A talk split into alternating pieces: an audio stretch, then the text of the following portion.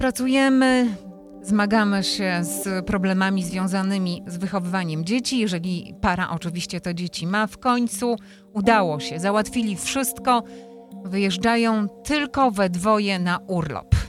I nie jest tak pięknie, jak miało być. Ponieważ praca, oddalenie fizyczne, emocjonalne powoduje, że czasami na urlopie orientujemy się, że tak naprawdę nie mamy ze sobą o czym rozmawiać. O samotności we dwoje dzisiaj będziemy rozmawiać z dr Katarzyną Pilewicz, doktor psychologii, specjalistą od uzależnień, prowadzącą klinikę Psychological Counseling Center.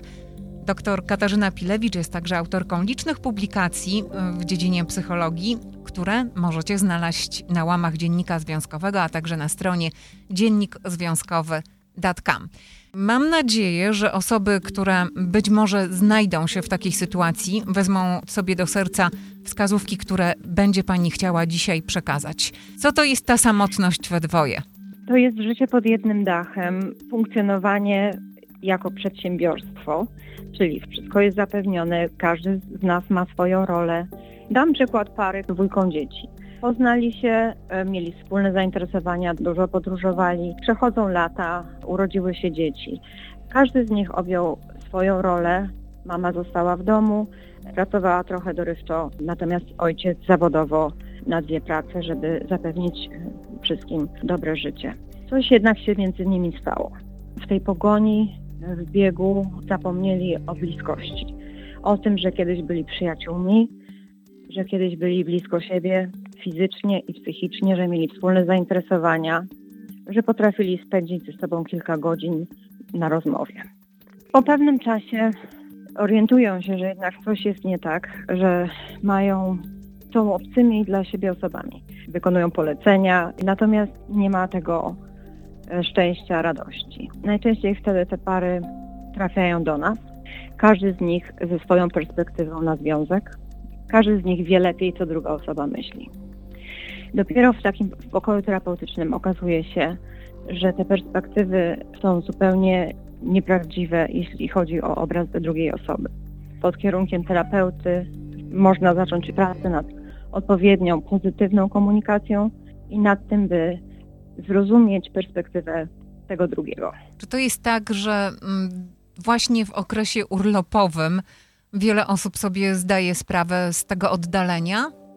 Tak, wówczas wtedy, kiedy wyjeżdżają dalej, nie ma ciągu dnia codziennego, kiedy muszą spędzać czas ze sobą, zdają sobie sprawę, że są dla siebie obce. W Pani publikacji zatytułowanej Samotność we dwoje doczytałam się jednak czegoś pozytywnego.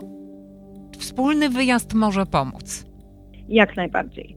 I to jest zawsze to, co, co ja rekomenduję parom, które czują się oddalone, ponieważ wspólny wyjazd to czas spędzony we dwoje. To, to próby nawiązania z powrotem kontaktu.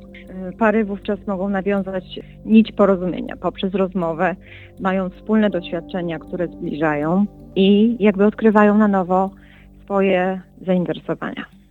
Więc jeżeli powiedzmy ktoś pojedzie sobie na urlop z drugą osobą, czy to z żoną, czy z mężem, może narzeczoną, y, może z kimś, z kim po prostu są w związku, ale nieformalnym, zdają sobie sprawę, że coś nie jest tak. Y, popróbować można, a jak nie wychodzi, to wtedy co? Jak nie wychodzi, to zazwyczaj następnym krokiem jest zgłoszenie się do terapeuty, który się specjalizuje w, w parach. Wówczas się analizuje związek, ponieważ idealne pary, idealne, jeżeli takie w ogóle są, ale pracujemy nad tym zawsze, współpracują ze sobą, a nie rywalizują. Jeżeli występuje rywalizacja, to zaczyna się wówczas walka o władzę. Kto jest lepszy?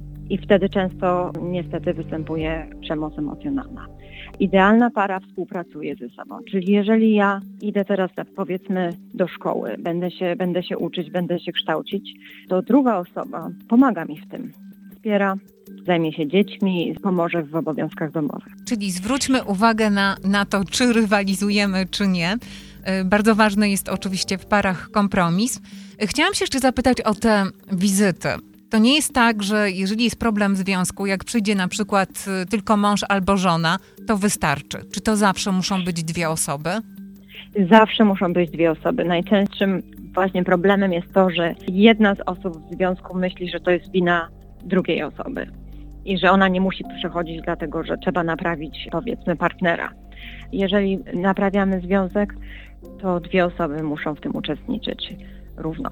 Bo Czy- nigdy nie ma tak, że to jest wina jednej osoby. To jest związek. Patrzymy na to jak na związek dwojga ludzi. Obiegowa opinia jest taka, że mężczyźni nie lubią takich rozmów y, z terapeutą w towarzystwie żony. Tak się mówi, chociaż mężczyźni bardzo łatwo otwierają się. Im jest czasem łatwiej się otworzyć, ponieważ to oni zazwyczaj w związku są tymi, którzy trzymają wszystko głęboko w środku. Jeżeli zaczną mówić już o swojej perspektywie, o swoich interpretacjach różnych doświadczeń, które przeszli w związku, od razu czują tą ulgę. Nikomu nie życzymy samotności we dwoje. Życzymy wspaniałych wyjazdów urlopowych. Natomiast y, jeżeli zdefiniujecie jakiś problem, to pamiętajcie, że może być rozwiązanie tego problemu. Tak, zawsze jest rozwiązanie i ważniejsze jest, żeby oboje chcieli do tego rozwiązania dojść.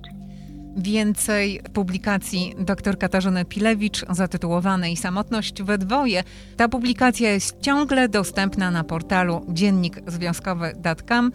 Dr Katarzyna Pilewicz, doktor psychologii, specjalista od uzależnień, a także doktor kliniki Psychological Counseling Center. Dziękuję bardzo za rozmowę.